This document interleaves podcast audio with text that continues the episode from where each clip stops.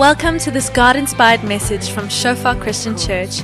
Enjoy today's message. May you experience the presence of our Father and may you grow deeper in your relationship with Him. Oh Jesus, your love overruns. Welkom almal. Dis lekker om vanoggend hier so te wees so in die begin van die jaar. Nou, ek weet nie wie van julle voel ook so nie, maar dit voel so 'n bietjie die lewe soos 'n treadmill en dan klim jy nou iewers party van ons. Ek verstaan party moes nog werk en aangaan deur Desember. Daar's mense wat die samelewing nog steeds in die gang moet hou terwyl ander bietjie lê en rus. Maar iewers het jy nou van hierdie treadmill afgeklim en Januarie moet ons mos nou weer opklim. Maar dit voel of waar iemand was wat die spoed so bietjie vinniger gestel het en die incline net so bietjie op. Is julle met my? So die eerste paar weke voel so half, jy gaan ons nie net hardloop om nie om te val nie en, en nou is ons in 'n ritme. Is wie kom ons kyk net wie is al in die ritme, wie het hom al gevang en is lekker regop en begin hardloop vanoggend? Wie voel nog so 'n bietjie asof jy vorentoe tilt en jy moet hardloop anders gaan jy omval? OK, en wie is dan ook op pensioen want daar's ook hulle, né? Daar's hy. OK, net sodat ons weet wie's wie vir oggend. Welkom julle, is regtig 'n voorreg om hier so te kan wees vir die van julle wat my nie ken nie. My naam is Wian. Ek is een van die pastore hier en dit is my voorreg om vanoggend die woord met julle te kan deel. Maar voordat ons inspring, kom ek bid vir ons en dan spring ons in. Ja Here, dankie vir u goedheid. Dankie vir u guns, Here. Dankie Jesus vir wie u is en vir wat u vir ons doen. Dankie Vader vir u wonderlike plan. Dankie Heilige Gees vir u teenwoordigheid. Ons kom bid Here vanoggend Vader deur al die bedrywighede van lewe Vader soos wat die jare in die gang kom Vader en soos wat daar nuwe dinge is vir party huishoudings, party mense nuwe skool, nuwe graad, nuwe goed. Kom bid ons Here deur die genade Vader net vir 'n oomblik van stilte vanoggend. Net om te kan rustig word voor U Here. En eerstens Vader, wat om Gerard ook so mooi gedeel het, Here, net om die voorreg te besef, Here, wat ons het vanoggend om hier te wees. Om U naam op te lig, Here om te nader tot die God wat red. En nie red oor dat ons so oulik is nie, maar ten spyte van wie ons is. Dankie Here vir u goedheid. Ons kom bid ook Vader vanoggend vir genade Here om te besef wie ons is, Here. So ongemaklik soos wat dit ook al mag wees. Dat ons kan beweeg, Here, na waartoe U ons wil hê. En dankie Vader dat elke stap hier in die regte rigting, elke stap van heiligmaking Vader om meer soos U te lyk en om meer soos U te wees. Kom deur U krag, Here. Wat die Heilige Gees gee. Ons kom gee oor aan U vanoggend Vader. Kom sê vir U dankie vir wie U is. In Jesus naam. Amen. So ons gaan vanoggend aan met ons reeks met die pastorale briewe 1 en 2 Timoteus en Titus. Ons het 2 weke terug begin en ons werk so lekker deur dit vers vir vers. En net om ons 'n paar dinge te herinner soos wat Maria ook so mooi gedeel het die laaste 2 weke. Baie keer dan voel dit vir ons half, ja, pastorale briewe. Party van ons het dalk vir die eerste keer gehoor pastorale brief. En dit klink en voel so half vir die pastoor. Sal wees oulik weer aan mag gaan lees dit by jou huis, los ons laat ons die ander goedjies doen. Maar vir wie Timoteus die kerk in Efesiërs lei, is ook vir ons om leiers op te rig en om ook gelei te word. En elkeen van ons het 'n invloed op iemand iewers en is besig om te lei. So dis nie net vir ons om te sien hoe iemand 'n kerk lei nie, maar hoe ons deel vorm daarvan. Hoe die kerk veronderstel is om te lyk, wat die doel van die kerk veronderstel is om te wees. En dit was so mooi. Laasweek wat Marie met ons gedeel het vers 5, so al vir die kernvers van hierdie briewe waar Paulus skryf dat waantoe ons mik, dit wat ons wil doen, ons doel wat ons wil uitleef, is liefde. Wat uit 'n rein hart, 'n skoon gewete en 'n suiwer geloof kom. Amen. En dis waar van elkeen van ons. En om te besef soos wat dit ons dit nou gaan uitlê in hierdie briewe, dis nie 'n oulike gevoel nie. Liefde is nie 'n oulike gevoel nie. Ek voel nie net hierdie gevoel teenoor mense of het nou maar hierdie ding wat ek beleef nie. Nee, liefde spoel oor in dade. Soos wat die brief van 1 van Johannes vir ons sê, dat ons nie net lief hê in woord nie, maar in daad en waarheid. Prakties mekaar lief hê en uitvloei. En dan is daar ook 'n vers in 1 Timoteus 3 van vers 14 waar Paulus skryf vir Timoteus en hy sê vir hom, ek skryf hierdie dinge vir jou. Ek ek wil graag na hulle toe kom, maar as ek lank vat, sodat jy kan weet hoe iemand homself moet gedra in die huishouding van God, wat die kerk van die lewende God is, 'n pilaar en grondslag van die waarheid. Is dit nie mooi gestel nie? Sodat ons kan weet hoe ons saam moet lewe, weet hoe ons saam moet kerk doen. En die doel van die kerk daar is die pilaar en grondslag van die waarheid. Die Engels sê buttress of truth. Met ander woorde, daar's 'n muur gebou. En ek weet nie wie van julle dit al gesien het nie, maar ouerige geboue of mure dan is daar so 'n driehoek gepak met of bakstene of steen en is so vasgelê in die muur om hom regop te hou. Het jy dit al gesien? En as jy die uitdrukking die kerk lig die waarheid op en dan staan ons soos daai steenpilaar om hierdie waarheid regop te hou in 'n wêreld wat dit konstant wil omdruk. Ons is geroep om mekaar lief te hê. En ons is geroep om die waarheid op te lig. Ek weet nie wie van julle het gedink is interessant nou dat ons deur hierdie boek pastorale briewe om te kyk hoe ons mekaar goed kan lief hê. Gedink het eers dis interessant dat die eerste ding wat Paulus aanspreek is valse leraars. Is dit nie interessant nie? Sal dit nie eerder wees hoe om vir mekaar drukkies te gee of jy weet so tipe iets nie? Nee. Valse leraars. En ons leer dat die beste ding wat ons vir mekaar kan doen is om waarheid te spreek in mekaar se lewens en die waarheid, ag die die onwaarhede, die leuns te verwyder. Dis hoe ons mekaar kan lief hê. En ons gaan vandag aangaan met vers 8 tot 11. En ons opskrif vandag is die wet en die evangelie. Die wet en die evangelie. Onthou soos wat Marina vir ons verduidelik het om ook hierdie verse in die konteks te verstaan waarin dit is dat hy sê dat daar's mense in Efesiërs Timoteus moet daar bly en hulle waarsku om nie valse doktrines te versprei nie want dit lei na mense wat net praat oor digsels en mites en geslagsregisters maar dit bevorder nie die geloof nie dit bevorder nie dit wat God vir ons gesê het ons as kerk moet doen nie want ons doel is liefde uit 'n rein hart skoon gewete suiwer geloof en dan sê dit en sekere mense het hiervan af afgedwaal en in 'n gevrugtelose gepraat verval Mense wat praat oor skrif en praat oor goed en praat oor reëls, maar daar's geen vrug nie. Daar's geen liefde nie, niks vloei uit ons lewens uit nie. En ons moet ook onsself kyk soos wat ons deur hierdie goed lees. Is dit dalk ons? Is ons dalk daar? Ons praat oor Christendom, praat oor die skrif, praat oor die evangelie, maar daar's geen vrug. Niks vloei uit nie. Klink baie slim, maar daar's niks wat gebeur nie. En dan sê die skrif vir ons in vers 7 hierdie mense wil graag leraars in die wet wees. Maar hulle weet nie wat hulle sê nie, ook nie waaroor hulle so selfversekerd praat nie. En dit laat my dink aan die Engelse stelling, you are more confident than you are correct. Jy is meer selfversekerd as wat jy reg is. Ek weet nie of jy al ooit so 'n persoon ontmoet het nie. Ek like die oortuiging, ek like die, die oomf, maar is ongelukkig net verkeerd. En hierdie mense wil leermeesters in die wet wees. Hulle is baie selfversekerd en hulle praat baie goed, maar hulle verstaan nie wat hulle sê of oor wat hulle besig is om te praat nie. Leermeesters in die wet. En hier gaan Paulus nou vir ons verduidelik van die wet. Hoe lyk die wet? Hoe werk die wet in lig van die evangelie? En voordat ons dalk inspring en dit verder vat, wil ek vir ons vra soos wat ons hier sit. Wat dink jy is die doel van die wet?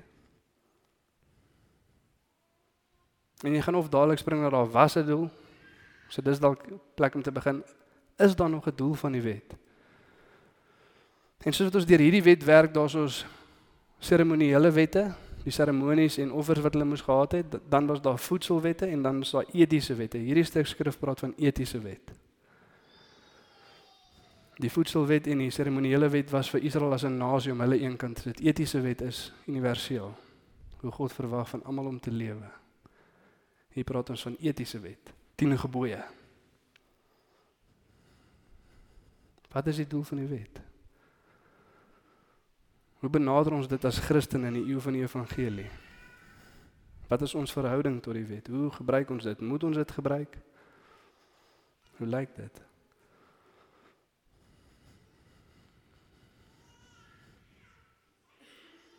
Kyk, het almal min of meer 'n antwoord? Okay, wie wil eers kom? Sê wat? Nee, ek maak net 'n grappie. Kom ons lees deur en dan kyk eens wat ons hier kan leer. Nou tel ons op nadat hy gepraat het van hierdie mense wat leermeesters in die wet wil wees, maar nie weet waarvan hulle praat. Hier gaan ons vers 8. Maar ons weet dat die wet goed is as iemand dit wettiglik gebruik.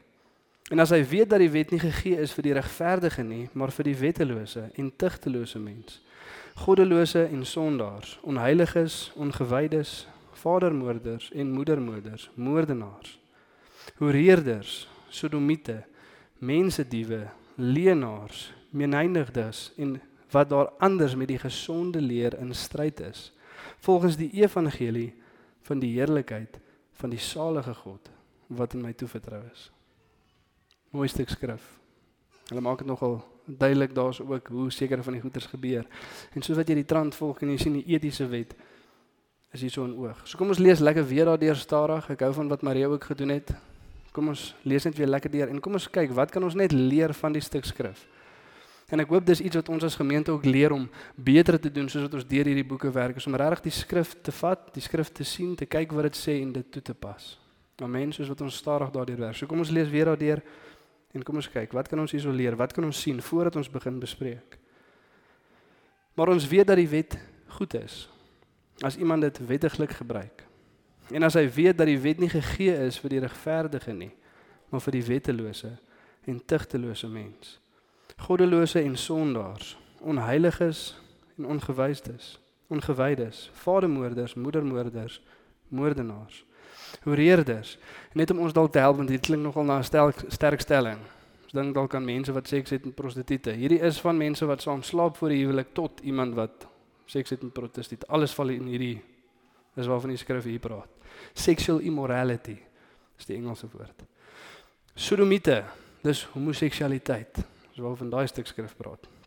Mense diewe. Mense wat mense vang en as slawe verkoop, human trafficking, leenaars. Interessant een. Mens verwag nie hy moet in hierdie lysie val nie. Ons nog 'n paar sterk goeters en dan en ook jy wat jok.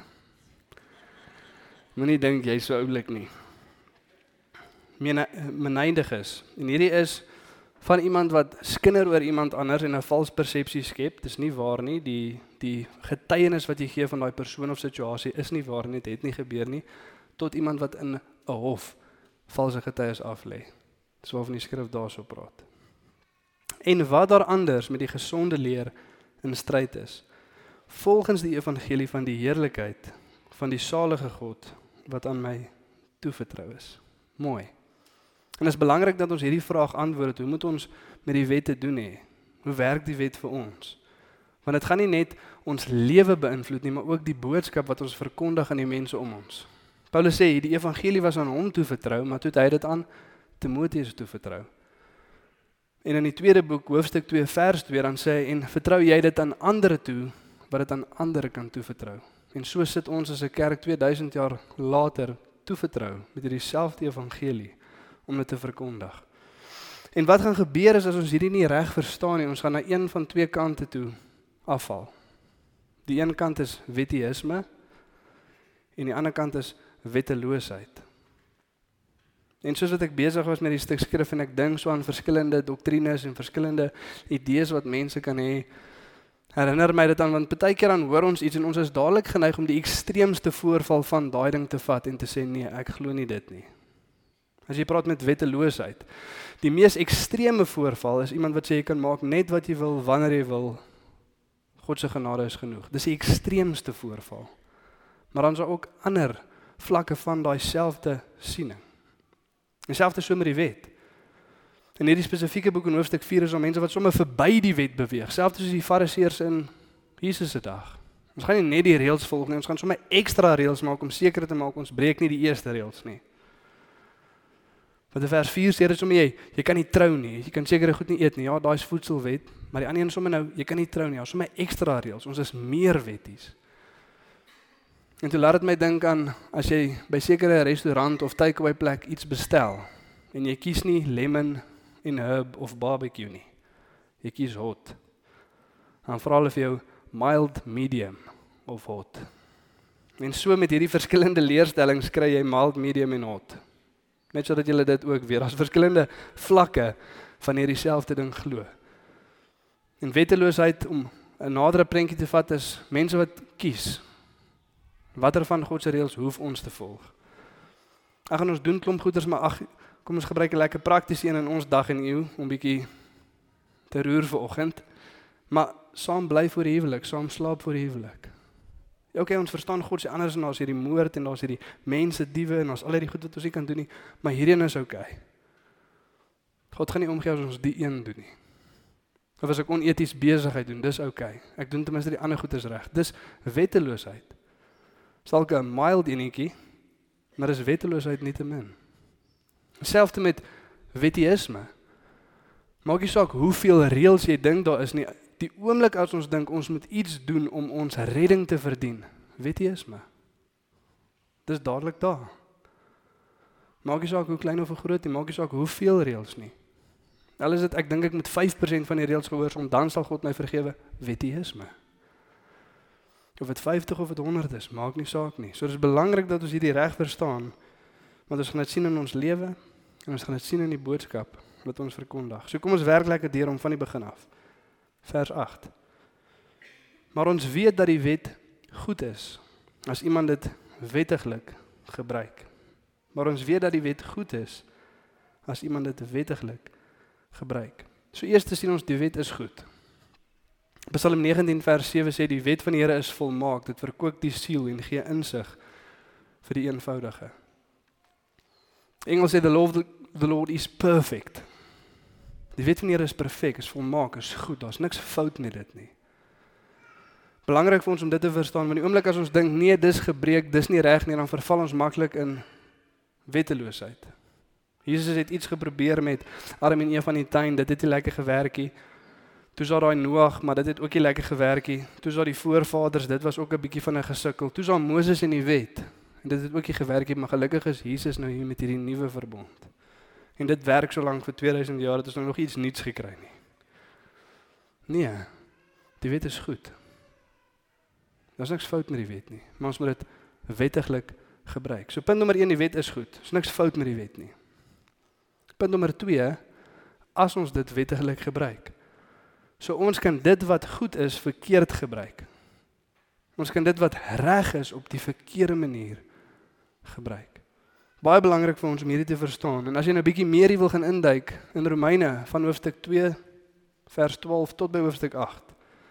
Dan verduidelik Paulus in diepte met verskillende voorbeelde en verskillende aspekte die rol van die wet in lig van die evangelie. Hoekom is dit daar? En dit is goed en ons gaan na twee van daai verse kyk oor 'n rukkie. Maar die wet is goed. En ons moet besef hierso dat ons kan wat goed is verkeerd gebruik. So ons kan dit nie glad nie gebruik weggooi nie, maar ons kan dit ook nie verkeerd gebruik nie. Dit moet 'n regte gebruik wees. En kerke ingeheel en oor die eeue is geneig om dit te doen. Met verskillende areas van kerk of met moeilike stukke skrif. Ons is of geneig om na iets te kyk, kom ons vat werking van die Gees as een want ons sien dit in ons kultuur en konteks. En dan so mense wat hulle noem dit charismatic chaos. Sê die werke van die Gees, die Here het gawes vir mense gegee en mense doen net wat hulle wil wanneer hulle wil soos wat hulle wil. En dis chaos. So ek een van die redes hoekom 1 Korintiërs 14 geskryf was om te verduidelik hy hoe hoe gebruik ons dit? Hoe moet dit lyk in die kerk? So dis 'n ekstreme voorval. Dis daar ons maak net wat ons wil. Nou reageer ander mense en sê, "Jo, daai's chaos. Ons gaan eerder net niks met dit te doen hê nie." Ons ignoreer dit heeltemal. Jy kan nie een van die twee doen nie. En so ook met baie goed in die lewe is mense se reaksie teenoor verkeerde gebruik geen gebruik. Ons kan nie dit doen nie. Ons moet kyk wat die Bybel sê sodat ons dit reg toepas. Hoe gebruik mens die wet wettiglik? En hierso sal ons sien soos wat Paulus verduidelik, hierdie persone wil die wet toepas op die verkeerde groep mense. Dit is vir die verkeerde groep mense en daaroor ook vir die verkeerde doel. Dit wat hulle dink die wet doen, dit wat hulle dink die wet veronderstel is om te produseer in ons of om te veroorsaak in 'n gemeenskap, is nie dit nie. Kom ons lees saam, vers 9 en vers 10. As hy weet dat die wet nie gegee is vir die regverdige nie, maar vir die wettelose en tugtelose mens, goddeloos en sondaar, onheilig en ongewyd, vadermoorders, moedermoorders, moordenaars en die lysie gaan aan en wat daar anders met die gesonde leer in stryd is. En weer eens net op ons wat die teks lees, wat sien ons hierso? Die wet is nie vir wie nie, vir die regverdige. Die wet is nie gegee vir die regverdige nie. As hy dit wettiglik wil gebruik, moet hy verstaan die wet is nie vir die regverdige nie. Dis nie vir die mens wat geloof in Jesus het nie. Dis nie vir die mens wat vergewe is nie. Dis nie vir die mens wat die evangelie verstaan nie. Dis nie vir die mens wat volgens die gees lewe nie. Dit is die regverdigde. Maar dis vir die wettelose en tugtelose mens. Dis vir die wat nie Jesus volg nie. Om vir ons 'n illustrasie te gee, dit maak vir ons sin. Ons het ook wette en reëls in die dorp en in die land. Een van hulle is hoe vinnig jy mag ry. So ons mag 60 ry in die dorp. Het 'n speedkopie al ooit afgetrek terwyl jy 60 ry en vir jou gesê, "Hey, jy moet 60 ry." Sê vir hom ek doen. Ek doen ry 60. Ek ry 60. Nee, dis vir die persoon wat daar verby jaag en trek hom af en sê, "Hey, jy mag net 60 ry en by the way, hierdie gaan jou iets kos." Daar's 'n wet hier teen. Jy kan nie net ry. Dis nie net ek wat vir jou sê nie, maar dit gaan nou ietsie kos. Daar gaan nou ietsie betrokke wees en hoe ver jy die wet oorskry bepaal ook hoe ernstig die straf. Is jy met my? Of jy loop iewers met jou vrou hand aan hand, man en vrou wat getroud is, en iemand kom net en sê, "Hey, die Bybel sê man en vrou moet getroud wees." Jesus. Ons is.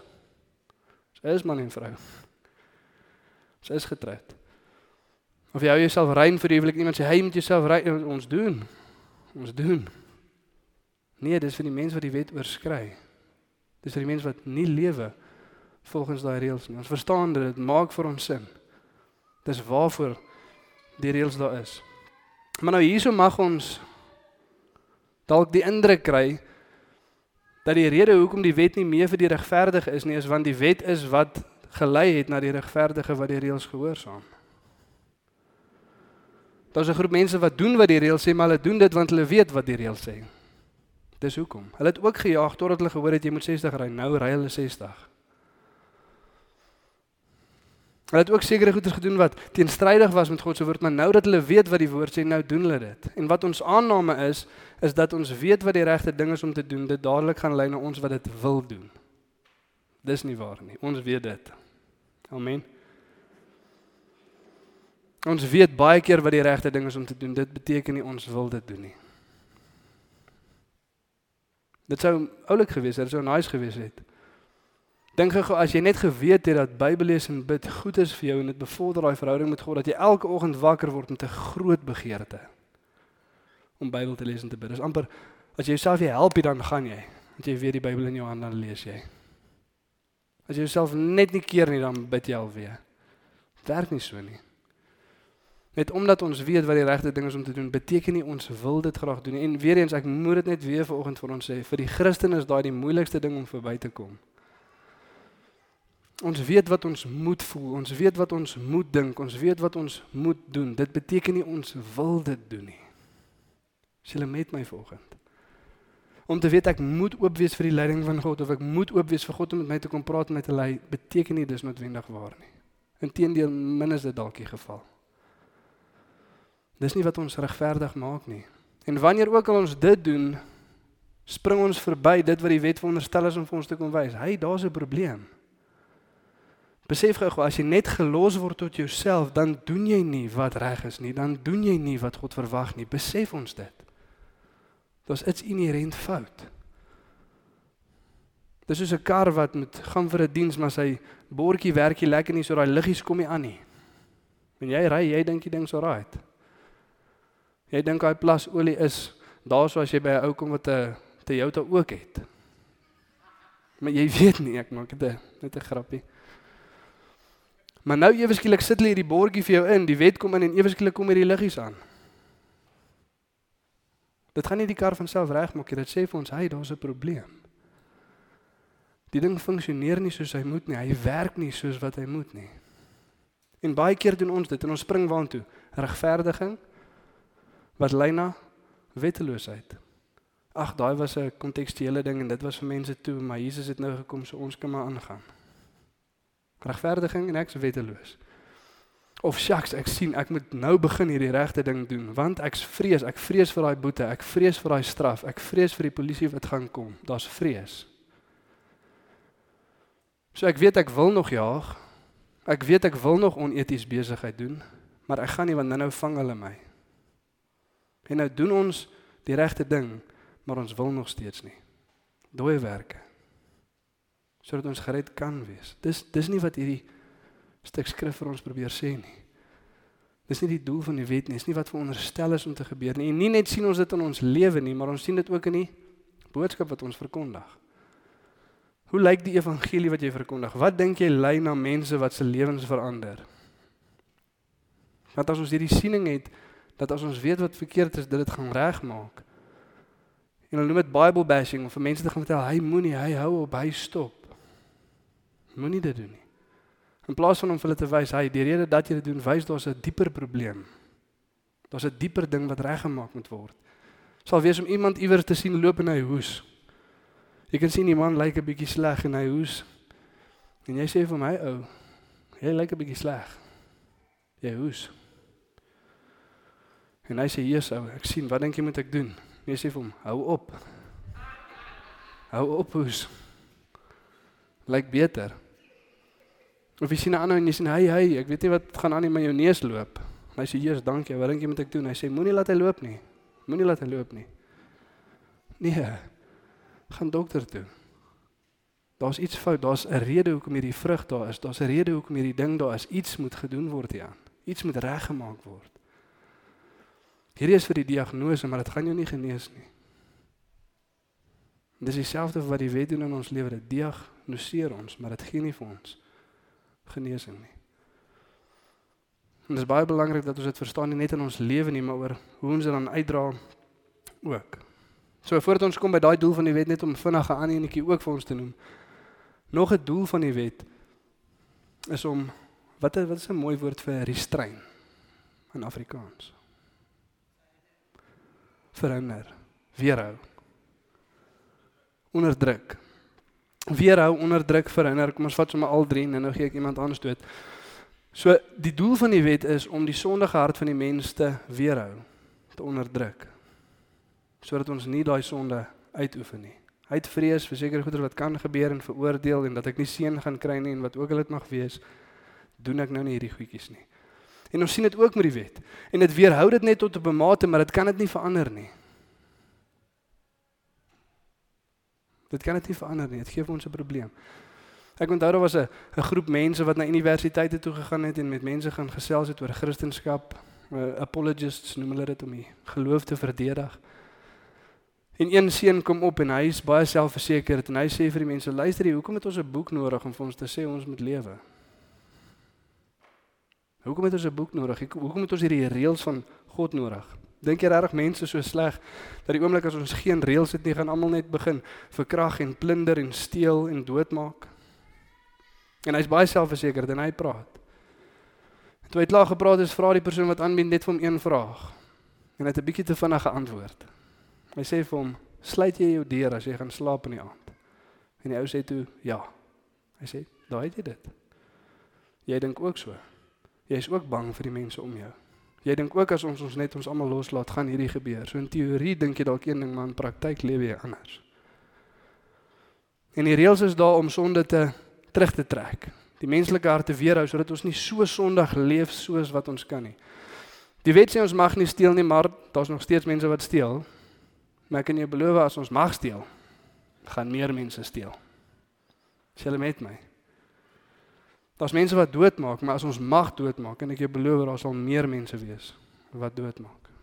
So in 'n mate is die wet daarso om daai uit te oefen op ons en ook die regverdige teen die goddelose te beskerm.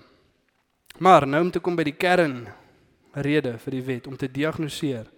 Romeine 3 vers 19 en Romeine 7 vers 7. Ons weet dat alles wat die wet sê gerig is aan diegene wat onder die wet staan, sodat hier is die rede. Elke mond die swaai opgeleken word en die hele wêreld hulle voor God moet verantwoord. Die wet is daar sodat almal kan besef jy is skuldig voor God en jy gaan moet rekenskap gee. Swaar. Diagnose is gedoen. Skuldig. Daar's 'n probleem en dis 'n groot probleem. En as daar nie iets aan daai probleem gedoen word nie, gaan daar 'n groter probleem wees. Jy hoes dalk nou, maar as jy nie nou gaan vir daai stroopie nie, dit gaan al hoe erger raak. Hier is nie iets wat homself gesond maak nie. Hier is nie iets wat homself genees nie. Inteendeel. Dit raak al hoe erger. En dan na dit in vers 20 dan sê dit deur wetonderhouding sal niemand regverdig word nie want deur die wet kom die kennis van sonde. Maar nou is geloof geopenbaar sonder die wet, maar die wet nie profete getuig daarvan. Geloof in Jesus Christus. Dis waar hy mooi 3 23 vandaan kom. Almal het gesondig en almal val kort van die heerlikheid van God, maar is geregverdig deur geloof in Jesus Christus. Mooi. Vers 7 van hoofstuk 7. Sal ons sê dat die wet sonde is? Hoegenaamd nie. Trouwens, ek sou nie sonde geken het as dit nie deur die wet was nie. Ek sou immers nie geweet het wat begeer te is as die wet nie gesê het jy mag nie begeer nie. Ek sou nie geweet het wat begeerte is as die wet nie gesê het jy mag nie begeer nie. So die wet diagnoseer, dit sê vir ons daar's so 'n probleem en dit hou ons verantwoordelik vir ons optrede en daai diagnose op aarde. Ons is skuldig voor heilige God. Besef ons dit. Augustine skryf die volgende en ek wil dit vir ons lees. Hy sê the law orders that we after attempting to do what is ordered and so feeling our weakness under the law may learn to implore the help of grace. Die wet is daar sodat ons agterkom soos wat ons hierdie wet probeer uitvoer en probeer onderhou. Ek word help. Ek word help as iemand nie iets doen nie. Is daar probleme? Ek het dit nie in myself nie, ek het geprobeer en ek wil volgens vir ons sê as ons dink dat ons deur ons eie moeite, ons eie wilskrag goeie mense voor God kan wees, dan verstaan ons nie die wet van God nie. Want God kyk nie net na wat ons doen nie, maar ook hoekom ons dit doen. Amen. En baie mense uit vrees om ietsie by God te kry en om in sy goeie boekies te kom en guns te kry. Dit klink goed vir God, maar dis nie vir hom nie, dis vir jou. Here, dis vir daai ding. En ons kan dit sien waar in ons gebedslewe. Hou dop. Want dit mag dalk vir ons iets anders wys. Maar as daarom vir ons te wys, daar's ons 'n probleem. Dis daarom vir daai mense te wys, hy jy gaan aanspreeklik gehou word en daar's ons 'n probleem. En weer eens hierso is dalk die punt waar ons nou geneig is om te sê, "O, okay, ek sien dit wys net vir ons dat ons moet vergewe word, maar ek is nou klaar vergewe." Die ander kant.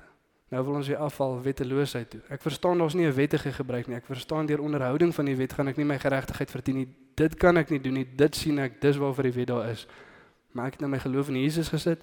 Hy het my vergewe. So nou kan ons aangaan. Dis wel om te sê dat 'n polisieman is daar so vir as jy 'n fiets steel. Jy verby hom gery kon hy sê, "Hey, jy het daai fiets gesteel." Jy net vir hom hoef te sê jammer en dan kan jy aanry met die fiets. Dis ook nie hoe dit werk nie. En kyk wat sê die laaste twee verse vir ons. Dit sê daar, dit beskryf al hierdie verkeerde maniere van leef. En hierdie verkeerde leefstyl en dan sê dit en wat daar anders met die gesonde leer in stryd is volgens die evangelie van die heerlikheid van die salige God wat aan my toevertrou is. Hierdie leefstyl is in teenstryd met die gesonde leer. En die gesonde leer is volgens die evangelie. Met ander woorde, iemand wat in Jesus glo, lewe nie so nie. Iemand wat die evangelie sien en toegelaat het dat die evangelie 'n werk doen in sy lewe, lewe nie so nie. Iemand wat Jesus volg, lewe nie so nie. Iemand wat gesond is in leer, die skrif korrek verstaan, lewe nie so nie. Hoekom? Want deur die evangelie word die Gees in ons harte uitgegiet en dit bring verandering sodat ons nie net kan doen wat God van ons verwag nie, maar wil doen wat God van ons verwag. Is jy met my? Soos wat Maria vir ons ook so mooi verduidelik het, hierdie boeke maak dit duidelik dat jy kan nie gesond wees in jou kennis van skrif en die evangelie maar ongesond in praktyk nie. Jy kan nie die regte goed glo maar verkeerd lewe nie. So daar ook is die etiek van die wet vir ons om te toets hoe ons gesonde leer en die evangelie werklik verstaan.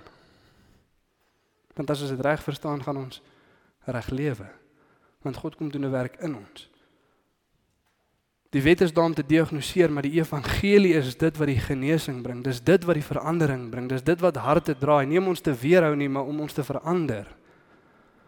Sodat ons eintlik wil doen wat God van ons verwag. Om Gerrit het dit so mooi uitgebeeld vanoggend. Dat as ons hier by die kerk inkom, daar's 'n dreis in my binneste. Daar's so 'n so groot vreugde wat uit my wil uitkom as ek wil sing vir die God wat my gered het. Dat ek besef ek was skuldig, maar ek is nie meer nie, nie oor wat ek gedoen het nie, maar oor wat hy gedoen het. Dis wat die verandering bring. So dis nie wetteisme nie, maar is ook nie wetteloosheid nie. So om 'n lewe te lewe volgens die evangelie. Met ander woorde, ek wil nie beter wees sodat ek by God kan wees nie, maar omdat ek by God is, is ek beter. Ek wil nie gehoorsaam wees sodat ek by God kan wees nie, maar omdat ek by God is, lei dit na gehoorsaamheid toe. Dis God wat daai in my hart kom doen, dis God wat daai in my binneste kom doen en 'n verandering kom maak. Dis hoekom die skrif sê wie ook al in Christus is, is 'n nuwe skepping. Kyk, die ou het verbygegaan, die nuwe is nou hier. Daar's 'n nuwe lewe. Ons kan nie nog dieselfde lyk like as die evangelie sy werk in ons harte kom doen het nie. Ons vergifnis te probeer verdien sal altyd lei na dooie werke. Die regte doen vir die verkeerde rede en voor God beteken dit niks. Maar dankbaarheid omdat ons vergewe is, sal altyd lei na 'n lewe wat gelykvormig is met die evangelie. Om God te behaag oor dat wat hy vir ons reeds gedoen het. En weer eens moet ek dan vir ons vanoggend die vraag vra: Hoe voel die Christelike lewe vir ons? Ons het op van die lampelborde die volgende stelling: Jesus het kom lewe gee. Voel dit asof jy werklik lewe? Hoe voel die Christelike lewe vir ons? Is dit hierdie moeilike ding wat konstant van my verwag om iets te doen wat ek nie eintlik wil nie? Of is daar 'n verandering in my hart want ek wil eintlik God en sy mense lief hê? Ek wil eintlik die God ken wat my gered het. Dis dis die verskil, daar's hierdie Bybel en of ek moet hom nou lees want anders kan ek nou nie die vergifnis en goeder kry nie of daar's 'n God wat my gered het onverdienst. Ek wil graag weet en hom leer ken en besef wie hy is. Die God leer ken wat my gered het. Dit is wat my dryf. Dis hoekom ek doen wat ek doen. En weer eens net omdat ons reg begin, beteken dit nie ons hou net reg aan nie. Paulus skryf in Galasiërs 3. Hy sê o dwaase Galasiërs, weet julle getoor, julle wat so goed begin het. Deur geloof begin, deur werke van die Gees begin, wil julle nou in die vlees en deur wetsonderhouding volmaak word. Ons sê ek wil julle net 'n een vraag vra. Het julle die Gees ontvang deur wetonderhouding of in geloof in dit wat julle gehoor het? En dan later sê hy en ek wil julle nog 'n vraag vra. Hy wat die Gees aan julle voorsien en kragtig onder julle werk, doen hy dit deur wetsonderhouding of deur geloof in dit wat julle gehoor het?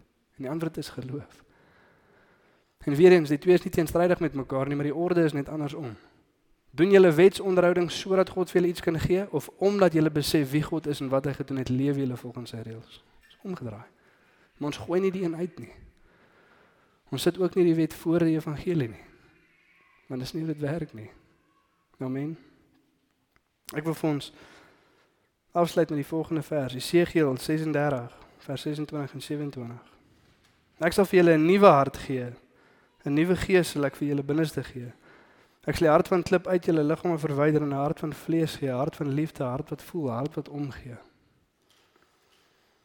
My gees sal ek in julle binneste gee. Ek sal daarvoor sorg dat julle my vaste voorskrifte volg en dat julle my bepalinge nakom en uitvoer.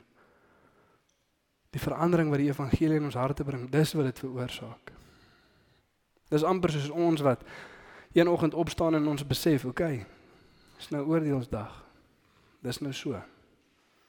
Die tyd het nou gekom, die aankondiging was gemaak, ons almal moet iewers gaan aanmeld. En hulle het 'n lys goed gegee van hoeveel wat ook al ons gedoen het en ons harte teenoor ander mense en ons gesindheid teenoor God en ons selfsugtigheid teenoor onsself, hoeveel dit kos. En ons moet gaan betaal. En jy stap soontoe en jy kom agter, ek ek het niks. Ek het niks. Daar's nie 'n enkele ding nie wat ek gedoen het of gedoen het of gevoel het. Ek ek het niks. Ek het niks om te gee nie. En die straf is dood. Dit is doodstraf. En soos wat jy nader stap en die mens vir jou begin lees, gaan hy deur daai lysie van dit wat jy verkeerd gedoen het. Die regte goed wat jy gedoen het vir selfsugtige redes. Alles word gelys. Ons versuim om God eer en liefde te gee wat hom toe kom. Ons versuim om die mense om ons lief te hê terwyl ons vir onsself ophoop en hou. En net so voordat die straf gegee word. En jy wag, jy steek al jou hande uit, bind, vat my na die slagpale toe. Sê die persoon vir jou, maar wag. Daar het 'n ander jou skuld betaal. Is hoe? Ek ken hom nie eens nie. Wie? Ek het tog niks vir hom gedoen nie. Ek het hoe wat? Waar? En hulle sê daar loop hy. En jy hardloop agter hom aan en val voor sy voete neer en sê wat kan ek doen om vir jou dankie te sê? En hy sê volg my. Volg my. Dis die evangelie. Los dit wat agter is. Volg my. Ek wil hê ons moet bly sit volgende gefonds. Twee gebedspunte op die bord, so dan gaan ek vir ons bid en ek wil hê ons moet na mekaar toe draai. Met die vrae antwoord en deur dit bid. En dis lewe jy volgens die wet of volgens die evangelie? Is dit altyd hard, is dit altyd moeilik, is dit konstant hierdie ding wat ek weet ek moet doen maar ek wil nie eintlik doen nie? Of is daar vreugde binne in jou om God te volg? Hoe voel dit as ons kort skiet want ons gaan kort skiet? Ons gaan wegdwaal van die een wat ons regverdig deur die geloof. En dan gaan ons weer onder daai wetkolom inloop, maar dan wys hy ons net terug. Dis nie nou moet jy perfek weer wees voordat jy kan terug en hy sê gaan terug. Jy het verdwaal maat, gaan terug. Gaan volg weer. En as ons dan hard op onsself en ons moet eers weer lank Bybel lees en lank bid voordat ons dink God reageer goed teenoor. Dis 'n salige God. Dis 'n gelukkige God. Dis nie 'n kwaai God En die tweede vraag, hoe lyk die evangelie wat jy verkondig? Sê jy vir die ou hy hoes, hy moet ophou. Of gebruik ons die wet om vir die mense te wys daar's 'n dieper diagnose, daar's iets ernstig fout. Maar ons weet waar ons genesing kan kry. Net daar waar jy is, kom gee vir ons 'n oomblik. Draai na die persoon langs aan jou toe. Ons bespreek hierdie twee vrae, kom ons bid.